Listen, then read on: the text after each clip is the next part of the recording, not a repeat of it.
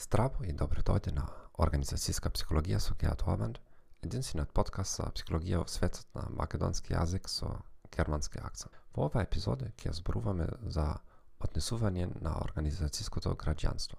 Денес орган го дефинира како индивидуално однесување кое е дискреционно, не директно или експлицитно признајно од системот на формална награда и што во агрегат го промовира ефективното функционирање на организацијата. Со други зборови, тоа е однесување што е повеќе од она што го бара описот на работното место.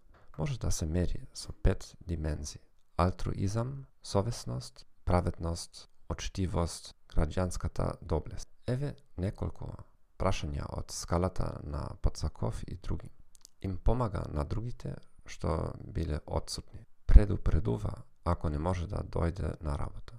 Му помага на надзорникот во својата работа, присуствува на непотребни настани, но кои помагаат во имиджот на компанијата. Постара скала од Смет и други ги вклучува следниве прашања. Ги почитува правилата и прописите на компанијата дури и кога никој не гледа. Присуствува на состаноци кои не се задолжителни, но се сметаат за важни.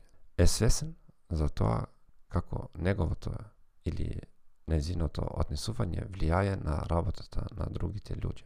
Од доброволно им помага на другите кои имаат проблеми проврзани со работа. Слични концепти се контекстуална изведба, просоцијално организацијско однесување и extra role behavior. Ви благодарам што го слушавте овој подкаст, ви посакувам убав ден и спогум.